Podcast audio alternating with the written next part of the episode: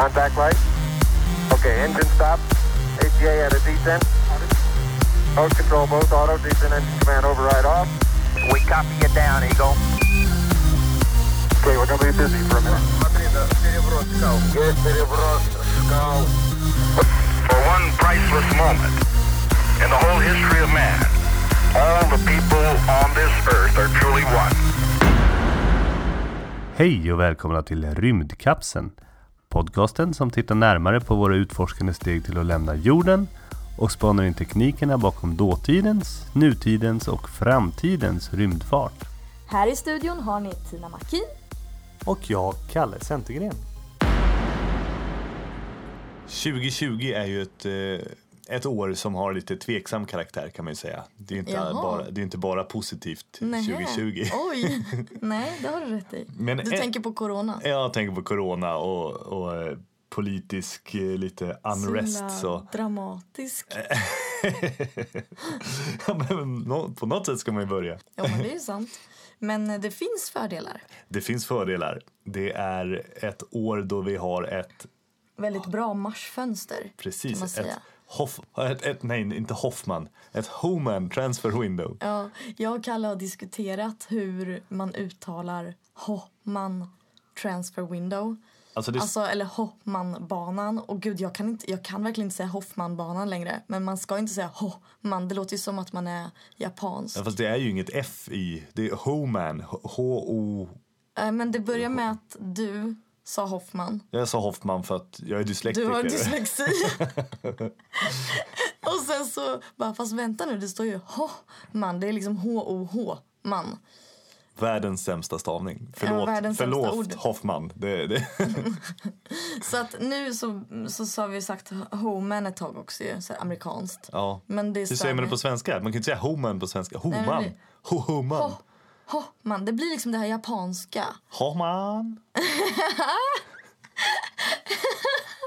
Nej gud!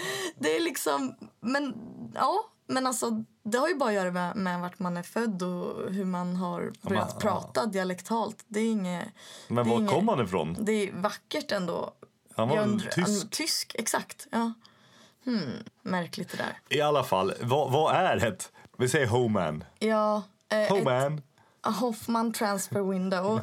alltså det är en aldrig avslutande för evig kamp det här. Det är en debatt vi för. Ja. Ja, I alla fall, Hoffmanbanan är ju då en bana som man, alltså, det går ut på att man ska ta sig från en punkt till en annan punkt på det mest effektiva sättet som går och då effektivt ur vissa synpunkter bränslesnålt och faktorn snabbt, så, så snabbt som möjligt. Så ska man ta sig från punkt, punkt A till punkt B. I, det- I det här fallet från jorden till Mars då. I det här fallet jorden till Mars. Och det finns olika Hoffman-fönster som är öppna relativt likvärdigt runt om på jorden. Alltså samma period, det var juli typ. Nu är det stängt va? Nu är det... Man kan inte riktigt se det som öppet och stängt utan det är mer en... Nu skulle det gå åt mycket mera bränsle att komma till Mars kan man säga. Alltså nu om man skulle åka så skulle man behöva mer bränsle för att hinna så att man inte missar när man kommer fram att, att landa också. Ja, för det blir uppfångad av Mars gravitationsfält. Är det, man ska. Eh, det man kan tänka är, man, man, eh, många tänker att ah, men om vi ska åka till Mars då måste vi vänta tills planeten är så nära varandra som möjligt. Men det stämmer alltså inte utan det var den här killen Homan, som, eller Ho Hoffman, som kom på att det är inte när planeterna som är, som är närmst varandra som det är som lättast att åka. Utan det är när de är som längst ifrån varandra, alltså på varsin sida solen Alltså när ungefär. de är i opposition. Precis, och då man åker från jorden så kan man göra en, en bana med mycket, man kan se det som en uppförsbacke, mycket flackare uppförsbacke hela vägen till Mars än att åka 90 grader rakt upp till Mars som det är om vi från solen sett när vi är precis som nära Mars som möjligt.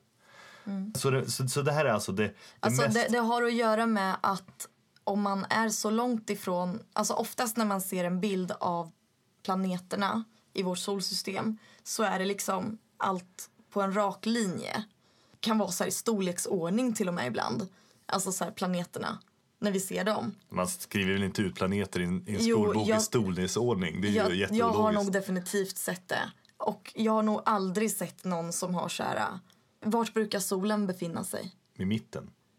Fy fan. Men alltså, inte i mitt huvud i alla fall. I mitt huvud så brukar det inte vara helt logiskt att solen kan vara Ja, jag- mitten och Mars kan vara på andra sidan solen. Jag tänker alltid att Mars är, ja, bredvid det. oss. Ja, jag förstår hur liksom. du tänker. Att, att i skolboken så brukar de ha solen på ena sidan så ett streck ut med alla planeterna Mm. Ja, på linje. precis. Ja. Och då brukar jag tänka att Mars är bredvid oss och längre bort. Men det, när, när vi är bredvid varandra, då är vi i konjunktion och då, det skulle inte gå, även fast vi är som närmast så skulle det inte gå att komma fram eftersom att planeterna rör sig hela tiden från varandra. Så man måste tänka, Hoffmanbanan går liksom ut på att tänk när, om vi följer den här banan som vi redan åker i, lite som att typ följa strömmen så kan vi använda oss av den energin som redan finns liksom och bara använda eh, till det maximala. Ja, men det är nog en bra förklaring. Vi, vi använder rörelseenergin av jorden Mm. och kastar ut oss bara på en, på en sån så flack bana ut från solen som möjligt för att slippa bråka med solens gravitation för mycket. Liksom. Mm. Så vi använder jordens rörelsemängd, kastar ut oss med hjälp av en liten raket så att så vår bana kommer ut till Mars bana när Mars är där och kan fånga in oss med sin Mm. Och kan gravitation. fånga in oss precis så att vi inte bara slungas ut vidare på oanade resor, interstellära eller you name it. Ja, ja, missar vi Mars så kommer vi hamna i en, för vi har inte så mycket energi, så vi hamnar i en solomloppsbana bara. Ja men kan vi inte hända något lite roligare? Ja, det beror på hur, mycket, hur fort vi åker. Gasar vi på riktigt kan vi ju hamna på en internet, interna, Ja men vi behöver väl bara en liten puff så kan vi väl ta oss hur, hur, vi behöver inte en jättestark puff för att ta oss ut från, bort från solens. Jag tror det är lika mycket till ungefär som, som att åka till Mars. Ja. Minst. Ja, ja.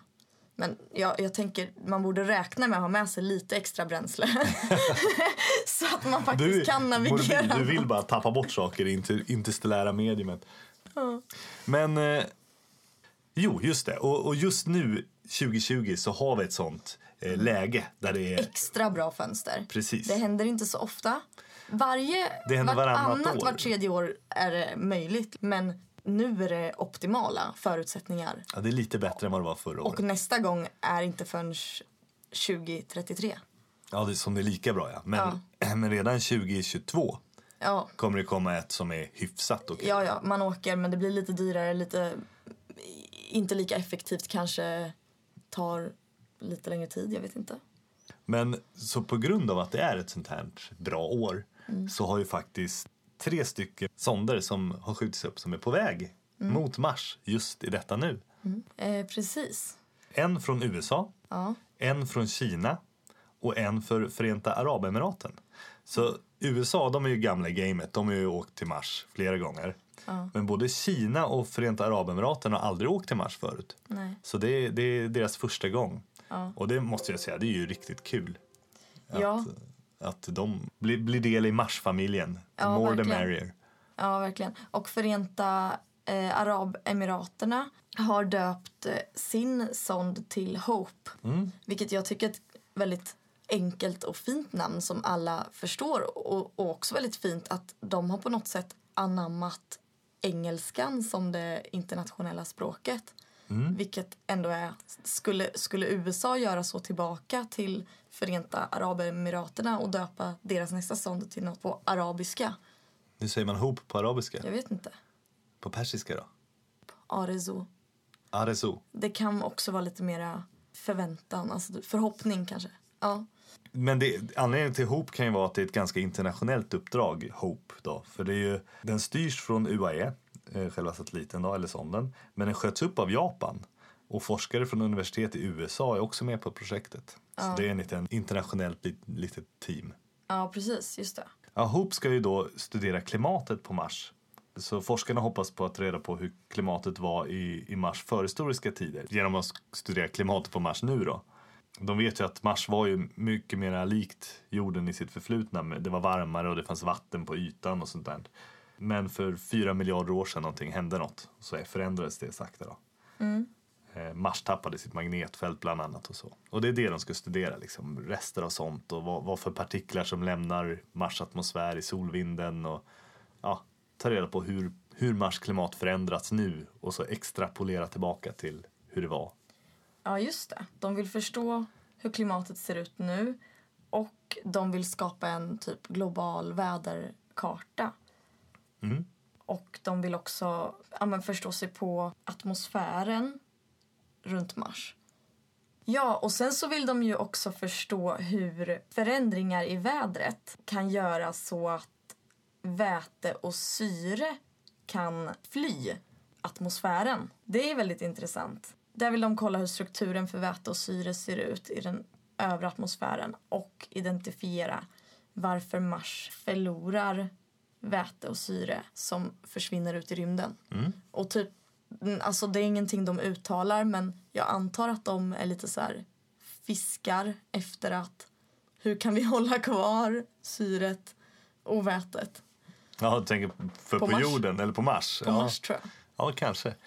Det är en intressant tanke. Det är ju, det är ju solvinden som, som, som norpar atmosfär, tror man. Det är väl det de ska ta reda på om det verkligen är så. Men det tror man. Teori, Hypotesen är att solvinden tar Mars atmosfär för Mars inte har något magnetfält. Så jag tänker det första man skulle vilja göra med den kunskapen vi har nu är att försöka göra ett magnetfält till Mars. Och det vet jag inte riktigt hur man gör på den skalan. Det skulle ju krävas ganska mycket. Ja. ehm, Ganska mycket vad? Magneter? energi. Alltså jag tänker man får sätta den som en satellit i liksom mot solen till från Mars. Som har ett eget magnetfält och gör vänta, en vänta, liten vänta, bubbla. vänta. Vänta, vad sa du? Mm, Så, vänta, energi? Alltså jag tänker om man vill, vill skydda Mars eh, från solvinden Mm. så behöver man ju inte ha ett magnetfält runt hela Mars. Det kanske räcker om du sätter en satellit långt från Mars fast som alltid följer Mars och solen i L1, Lagrange Point 1 heter det. Okej. Så en, bana, en solbana innanför Mars som följer Mars hela tiden. Eh, Så att den, satelliten pekar alltid på solen från Mars En solbana innanför Mars. Tänk dig en geostationär bana. Alltså en, en, ganska, solen. en bana runt solen. Ja. Ganska långt ifrån solen. Ja, nästan vid Mars. En ban- Nästan vid Mars. Precis. Så den följer Mars hela tiden. Ah. Det kallas för Lagrange Point 1. Ja, så istället för att vara att den är runt Mars så är den runt solen men den är Precis. typ Runt. går exakt i samma bana som Den Mars. följer Mars. Precis. Som månen typ med jorden. Som, fast månen snurrar runt jorden. Ja just det, fast den följer ju ändå med oss. Men den här skulle bara sitta som helt stilla på en plats. Ja, på, på precis. Typ över, över, så här, över Åmål eller något. Fast på Mars. Nej, för Mars hade ju snurrat. Men den, alltså den skulle sitta mot solen, rakt mot solen skulle den vara hela tiden. Ja. Så den skulle vara perfekt att, att ha ett magnetfält, starkt magnetfält. Men vänta nu, oh my god. Alltså nu är det ju så att både jorden och månen snurrar. Ja, Men i det här fallet så skulle det vara att månen eller den här äh, magneten Jaha. som ska vara utanför Mars ska vara helt stilla. Men Mars kommer snurra precis som, precis som jorden gör runt sin egen axel. ja precis. Mars kommer... Samtidigt som den är en bana runt solen. Så, så om du ser det, Mars snurrar Mm. och Mars åker också runt solen. Den här åker också runt solen fast Mm. lite innanför Mars bana. Och så följer den med Mars hela tiden. Så den, det- ja. den åker liksom... Den med- kommer ju skapa en skuggig eh, punkt på Mars. Ja, precis. En liten skuggig punkt. Den- Eller jag vet inte hur stor kommer den skuggiga Alltså den, punkten den bli. kommer ju vara mindre än vad solen är. Alltså nu tittar du kommer vara det mindre än vara en månen liten, hoppas jag. Annars kommer den ju göra Ja men verkligen, det kommer bara vara en liten, liten prick på solen. Så det kommer inte bli en skugga för solen lyser ju runt det här skeppet liksom. Eller magneten. Ja, men vänta nu, jag fick någon tanke. på. Det gör ju ingenting om månen syns. Va? Jag tänkte vadå, om månen är uppe då kommer det bli natt. Då kommer det bli natt. Va? Nej! Ja, nej. Och vad då månen? Vi är på Mars nu. Ja, precis. Vil- vilken av dem? Kommer inte skapa natt på Mars. Nej. Det kommer bli en pytteliten skugga. Ja, den, ja, precis. Du kommer inte se skugga på Mars. Nej. Men problem. poängen, får jag komma till min poäng här? Den här lilla sonden kan ju göra ett magnetfält Mm. i rymden så, så stort som den bara kan. Och, och det behöver inte vara lika stort som att täcka hela Mars eftersom när den är lite närmare solen så kan den liksom, det blir som en kon Ja, du? Så den kanske kan göra ett magnetfält som får solvinden att liksom vika undan och missa Mars lite. Så. ah, så det behöver inte alls vara ett magnetfält som är lika stort som Mars. Nej, utan bara, precis. Det är typ som att om jag står en bit framför dig så kan jag täcka dig. Alltså även om du är större än mig. Ja, precis. Om, Om du står närmare kameran så Ja, kan så du täcker täcka. jag dig ändå, liksom. Precis. Ja, så magneten som kommer vara ehm, som en fastklistrad stjärna på Mars himmel. Ja, fast den kommer, inte, alltså, den kommer inte vara som en stjärna på Mars himmel för den är ju alltid på dagsidan. Ja, ja, men det blir som den en dagstjärna. Som, ja, Eller varför måste den vara på dagsidan? därför den kommer ju vara framför solen. Det är det, det, är det som är Ja, liksom men lite gud, poängen. Alltså att, att det, ja. Det är tur att det finns människor som du, Kalle. Jag vet, inte- jag vet inte, så, hade jag gjort i alla fall. Men vi får, vi får se om någon, någon gör det någon, någonsin. Liksom. Ja. Det har vi spårat ur som vanligt. Nej, det har vi inte alls gjort. Vi har pratat om vad Hope ska göra på... Ja, fast det, inte- Hoop ska ju inte vara magnet. Bara Nej, nej, nej. Men Hope ska åka och ta reda på varför väte och syre försvinner ur atmosfären. Ja. Och även... Visst var det så? Ja, så den tar reda på om de kommer behöva min Ja, rymdmagnet. Jag tycker att vi, vi kan då... Jag tycker vi ska sälja idén. Om, det, om Hope visar att det, är solvinden som tar Mars atmosfär så Mm. kan ju NASA höra av oss till rymdkapseln. Eller av sig till, till oss då. Mm. Så kan vi sälja den här idén om, om rymdmagnet. Ja. Inte Ry- rymdmagnet slash dagstjärna. solfläck kommer det se ut som. Ja, men åh. Det var inte alls för lika fint. Solfläcken. Nästa uppdrag då. Eh, Kina. Vänta, vänta, vänta, vänta. vänta. Eh, den ska... Den sköts upp från Tanegashima Space Center i Japan. Du sa Japan, men jag vill bara förtydliga. Och den ska vara borta ungefär ett marsianskt år, vill jag bara säga. Ja, just det. Och det är ju då typ två jordsliga år. Precis. Jag är, om man ska kolla hur jag, gammal jag är i marsår, så är jag 18 ungefär. Jaha, du är hälften så gammal istället för hälften så ung. Jajamän. Va? Va? Nej, ung menar jag istället för hälften så gammal. Men du hade varit dubbelt så gammal om du hade Nej, inte på dubbel. Mars. Jag hade ju varit samma ålder. Men jag hade... Jo, jo, men du hade ju varit så gammal som du är menar jag. Du hade, hade du åldrats mer, Nej. skelettet i, dina, i din kropp hade förmodligen varit lite mer poröst. Det kan vi inte veta. Vi har inte provat att bott där. Kanske är alldeles utmärkt med 38 Eller hade du liksom tryckts ihop. Men eh, ja, Kina. Kinas Tang Weng 1. Tianwen 1, ja. Du var mycket bättre Nej, på att jag, jag det säger det på svenska. Till skillnad från dig som Vad, vad sa jag det på då? kinesiska eller något. Försökte du få till det. Nej, jag läste det så. Tian Weng. Tian Weng 1. Och det betyder fråga till himlen eller ifrågasätt himlen. Ifrågasätt himlen, hoppas jag. Du gillar det. Jag gillar fråga till himlen också. Ja. För det är som att man frågar något och så kommer man få ett svar. När Ja, den kommer ju- tillbaka. Det är ju ganska, det här, alltså, det här är ett coolt uppdrag för det är väldigt ambitiöst. Det är alltså, de har både en, en eh, satellit som ska lägga sig i omloppsbana runt Mars. Eh, de har en landare som ska landa på Mars. Och sen har de en liten rover, en liten Marsbil som ska köra av landaren och ut och köra på Mars yta. Så det är som tre uppdrag i ett. Och det här är alltså kinesernas första uppdrag till Mars. Så de, de bara kastar sig huvudet först in med ett jättekomplext uppdrag. Just det, och den, den åkte ju faktiskt upp nästan för exakt en eh, månad sen. Ja, just det. Ehm, Den satellitdelen kan vi säga eh, av Tain- Tainweng 1. Den, den har kameror så den ska fota massa, mm, ja, fota massa bilder och skicka hem. Och så ska den även relaya, alltså den ska skicka vidare signalen. Så den lyssnar för, för landaren och rovern och så skickar den hem signalen till Kina då. Just det, och det är Tianwen 1 som ska skapa en geologisk karta. Den första någonsin. Komplett karta över Mars yta är det. Det var inte... Fast det är inte, det finns geologiska kartor över Mars Ja, men den här ska vara mer komplett. Okej. Det här låter som det kommer från kineserna. Vi gör den första kompletta. bästa. Den bästa, ja. För vi har geologiska kartor över Mars. Eh, ganska heltäckande. Men den här ska också... Men, men, men om det finns... Om det finns redan till exempel över dess jordkaraktäristika varför ska då de åka dit och har utformat en alldeles egen speciell Tianwen 1 som ska åka och kolla upp jordkaraktäristika på Mars.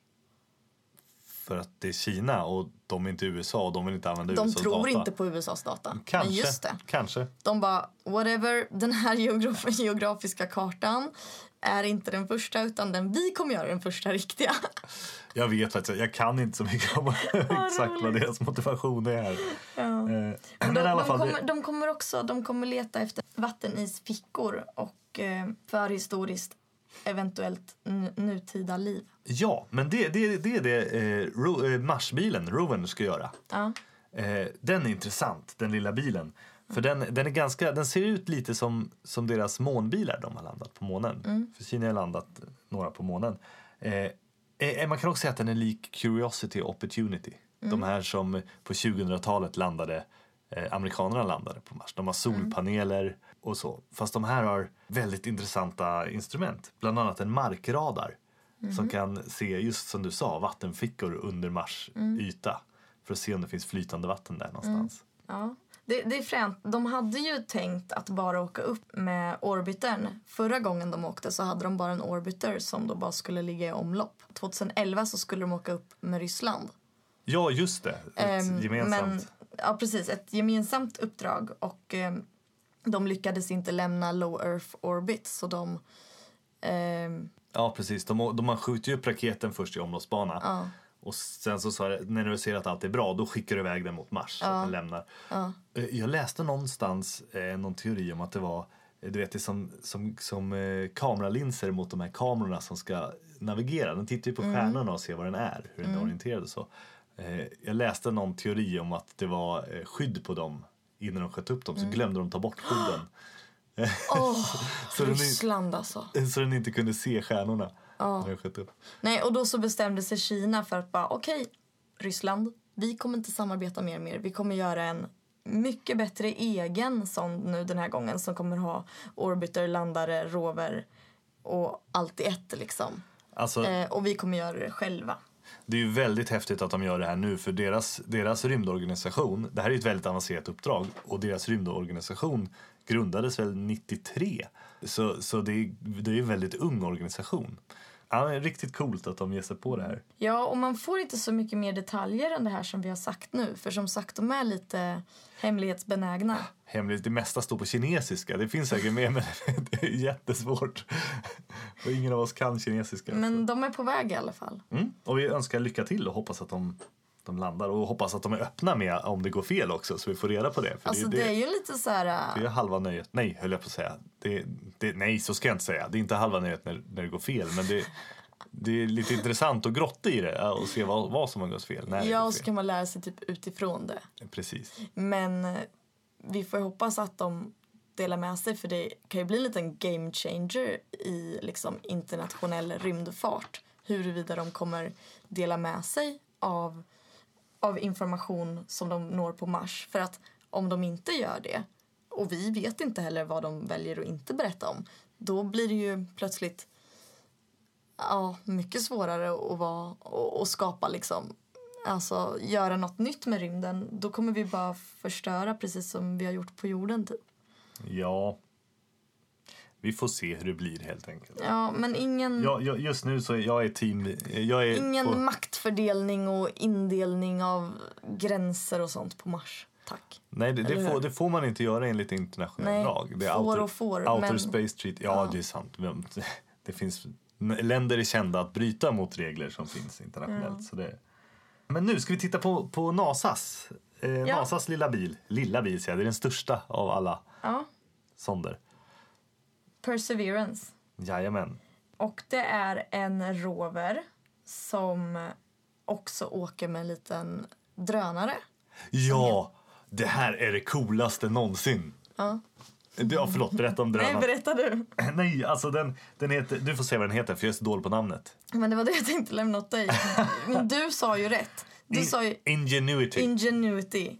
Ingenuity. Ja, helt hopplöst namn. Man bara, kan ni sluta sträckläsa den amerikanska ordboken för att hitta ett eh, namn? Eller så här, okej då, de frågar alla skolelever i typ klass ja, 6 till 9 eller vad det är. Ja, det men, de. men ändå, man bara, måste ni välja världens mest komplicerade? Hope, Hope var liksom lätt och. Persever perseverance och ingenuity. Alltså, ja, Ja. jag håller med. Inte så. Hopplösa. Alla, alla fall, den här drönaren, eh, Ingenuity, är ju, en, är ju bara en teknikdemonstrator. Den, den ska de bara visa att de kan flyga. Men vi pratar om den först, för den är coolast. Okej. Så, så det är en liten, liten helikopter som ska flyga med en rotor. Det är dubbel, två rotorer som snurrar mot varandra. Som, så ska den flyga runt och flyga i tre minuter, tror jag det är. Den har flygtid av tre minuter. Och den eh, ja, flyger runt, tar lite bilder runt om och landar. Men dess huvuduppgift är bara att visa att de kan flyga.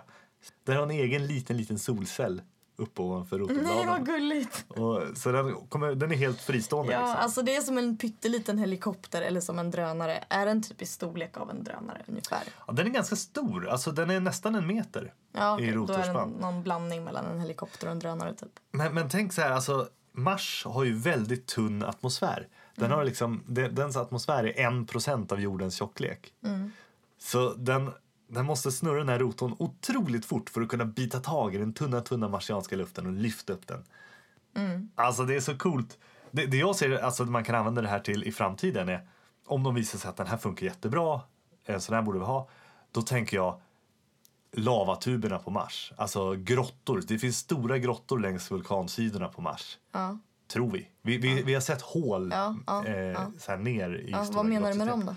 Man kan landa bredvid en sån och så har man en sån här liten som flyger ner och flyger in i hålen. Eller hur? Och så flyger ut och så skickar det vad den har hittat. Och så bara, oh, här kanske man kan bo. Exakt. Just det. Det, det är riktigt coolt. Det, Men- det vill men jag se i framtiden. Om man nu inte ska gå så här way ahead of yourself så... ehm, men det, det första de ska göra det är att de eh, rankar ju sin lista av grejer de vill göra med Ingenuity eh, utifrån att okej, klarar, vi, klarar vi att överhuvudtaget skjutas upp från Cape Canar- Canaveral så är det bra. Bara det liksom. Ja, det var första, första grejen den skulle klara. Hålla uppskjutningen. Ja, precis. För det måste ju vara så lätt, så den är så skör. Ja, precis. Och sen så ska den ju också klara att, eh, att ta sig bort från Perseverance-rovern. Eh, Den, den åker dit på magen på Perseverance roven. Den sitter på, under magen. Och så ska de då fälla ut den och ställa den och så ska de köra iväg roven från den. utan att, det går fel liksom. Mm. Och det är när de... Och då ska den ner till ytan. Ja, precis. Det är Perseverance roven som åker ner till ytan. Landar och sen så fäller den ut den här från magen på sig. Ja, precis. Just det. Eh, och sen så ska den kunna hålla sig varm genom alla eh, väldigt kalla nätter på Mars. Just det, Mars är så, så pass kallt att batterier fryser. Och om ett batteri har frysit is då funkar det inte längre. Så de måste värma batteriet. Så det, det går åt ganska mycket ström för att hålla grejerna varmt. Så det är, det första, det är nästa, nästa problem då. Ja, och de, de kommer bara försöka ungefär fyra gånger och göra testflygningar under de här 30 dagarna av det här... äh, Ja, de, de säger att de ska bara köra, ehm, att den ska hålla 30, 30 dagar. 30 marsdagar och typ 31 jorddagar. Ja, precis. Så det är målet med designen. Men om du kommer ihåg Spirit Opportunity. Ja, jag vet. De höll- de skulle hålla 90 dagar. Och de höll Hur många ja, år höll 10 de? gånger längre än vad de borde. Liksom. De höll, höll De jättelänge. höll hur länge som helst. 10 år nästan tror jag. Ja, Och så, vi har pratat om det. så om den här, de säger 30 dagar. Jag tror att den kommer hålla längre och de kommer använda den. Ja, ja. om den funkar bra då, då kommer de ju, ja men vi flyger och tittar på det där. Och då har de ju också så här hur de rankar sin priolista. Då har de säkert massa grejer som är så här, okej, ja, men om, om allt det där går bra då kan vi faktiskt prova det här och prova det här. Precis, för nu är det bara ingenjörerna Mm. som får bestämma vad de ska göra. Funkar den bra, då kommer vetenskapsmännen lägga sig i och säga att de här stenarna här borta är ju väldigt speciellt graniärt mönster i. Det vill vi titta på. Och, och så börjar det lägga sig i. Så det tror jag kommer hända och jag hoppas att det händer. Ja. Men alltså, och, sen, men, och det kommer ju annars Perseverance göra också. Alltså, ja, Perseverance är ju till för vetenskapsmännen. Så det finns ingenjörer som håller den eh, levande och, och frisk. Och så kommer vetenskapsmännen in och säger vad de vill se. Liksom. Så det är de två The Perseverance är väldigt lik Curiosity kan vi säga. Den är, de använde faktiskt reservdelar från Curiosity när de byggde den. Så den är, den är väldigt lik Curiosity roven som redan är på Mars nu. Den drivs på samma sätt av, av eh, ett radioskop, alltså radioaktivt sönderfall. Så den har inga solceller. Och den har en sån arm med massa instrument på. Och, Varje hjul är drivet av sin egna elektriska motor. mm, precis, sexhjulsdrift har den. Sexhjulsdrift. Då ska vi se, vad är skillnaden mellan den här och Curiosity kanske man undrar då? Ja, den har bättre kameror. Det är en stor skillnad. Den är, den har, den är bättre kameror, kameror, det har den. Det kan man ju tänka, Curiosity byggdes ju eh, på 2000-talet. När liksom kamerorna var, de största var så här 3 megapixels kameror. Och den här är byggd på 2010-talet så mycket bättre. Mycket bättre kameror. Den kommer ha 23 kameror. Den kommer ha två mikrofoner. Det ser jag fram emot. Vi har aldrig hört ljuden på Mars, naturliga ljud på Mars. Nej, vi har ju hört... Vi har hört seismografiska ljud och sånt där har vi hört. Men aldrig liksom vad vi hade hört om vi stod på Mars. Nej. Och den här ska ha mikrofoner med sig ner så vi kan höra. Vi kommer kunna höra vindarna blåsa förbi. Vi kommer kunna höra när stenar rasar från en klippa. Och, och när den lilla helikoptern startar. Det är nog det jag ser fram mest emot. Nej, ja, flygningen ser jag fram emot. Men, men, men ljudet är en stark tvåa för mig. Ja. Att, att ett nytt sinne för att uppleva Mars. Den största skillnaden tror jag är den här äh, robotarmen. För att den är starkare än den som är på, var på Curiosity och den har eh, andra instrument. Den har en röntgen, alltså x-ray spektrometer. Den har typ eh, vad, geologiska instrument, något som heter Sherlock. En ultraviolett spektrometer för att eh, typ kolla på mineraler och eh, kunna hitta organiska molekyler och sånt. Och sen så har den en eh, jättebra kamera. Ett mikroskop har den. Ja, är det till och med ett mikroskop? Ja, ett mikroskop. Den som heter Pixel. ja Ja, det är mikro- Okej. mikroskop. precis. Eh, Den har också Ja. en väderstation. Som den heter Meda. Och sen har den en norskt instrument. Så lite skandinavisk stolthet har vi här. ja, vad är det då? Eh, Rimfax heter det. Det är en markradar. Ja. Det är väldigt likt kinesiska markradarn. Ja, Eh, så de, de gör precis samma sak som kineserna. Kollar vad som finns under marken då. ja, just det. Så då har vi två, upp, två olika nationer som gör samma sak på Mars. Ja, just det. Och sen den där robotarmen, den har också en typ borr coring drill. Just det. En borr för att ta ut... Eh, en core drill tar Mm. ut eh, små... Man får ut små prover. I- Så den borrar ut ett centrumprov liksom. Okej. Så du får ut en bit berg. Så den har som en, en bit i sin borr. Alltså som ett hål i sin borr, typ. I... Precis så har den. Ah, okej. Så det blir som en liten grej. Och de ska de spara Ja. i, i roven. Så kommer de eh, försluta dem och släppa dem. Eh, och tanken är då att det ska komma ett, ett till uppdrag till Mars några år senare som ska plocka upp de här och skicka dem till jorden. Ett sample and return, alltså ett samla Ja, upp och återvänd. Just det. Och, och de här, den kommer inte bara, den här borren kommer inte bara pulverisera materialet som den tar utan den kommer kunna ta typ små eh, cylindriska sektioner från typ sten och sånt. Curiosity kunde ta, men bara i pulverform. Precis, bara i pulverform och så sparade inte Curiosity. Den hällde ut den när den var klar Ja. med det. Just det. Precis. Perseverance, armen, kommer även ha en typ bitkarusell som liksom, dels, dels kommer den kunna välja bland verktyg hur den ska ta fram sten och dels kommer den kunna välja och sortera in det den vill spara och så bara dut, dut, dut, ner där, plupp, sådär. Typ. Ja, precis. Karusell låter gulligt.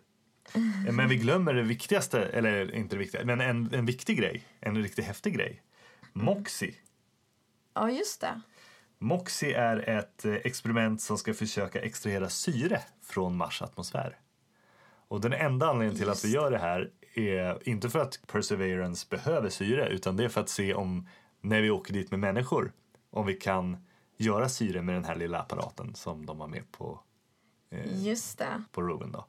Så de ska bara sitta och göra syre, sen mäter den, ja, fick ihop något syre, ja, hur mycket energi gick det för att göra det här syret? Hur mycket energi behöver vi energigrigt människor och så vidare och så vidare. Ja. Och det här är också för att Mars atmosfär består av 96 procent eh, koldioxid. Ja, precis. Det, det är bara för att visa hur svårt det är att få ut syrorna. Det är 96 procent koldioxid, men totala trycket är bara 1 procent av jorden. Så det är en atmosfär som är 1 procent av jordens och utav den så är 96 procent koldioxid. Så det, är- det är väldigt lite, Ja. Men det finns ju sätt att ta ut syret på. tror vi. Det är det vi ska testa. Liksom. Det Man tror att det är ganska enkelt. man tror att det är enkelt och att det kommer funka. Men man vill gärna veta innan man skickar dit folk. Ja. Ja, Men man tror ju egentligen... Ja, förlåt, säg du. alltså, jag tycker det här är så roligt. Nu börjar vi prova saker för att det här är en klar eh, förberedelse för folk. Och det gillar jag. Alltså det här är en tydlig förberedelse att nu provar vi en grej för att vi vill ta hit människor. Ja.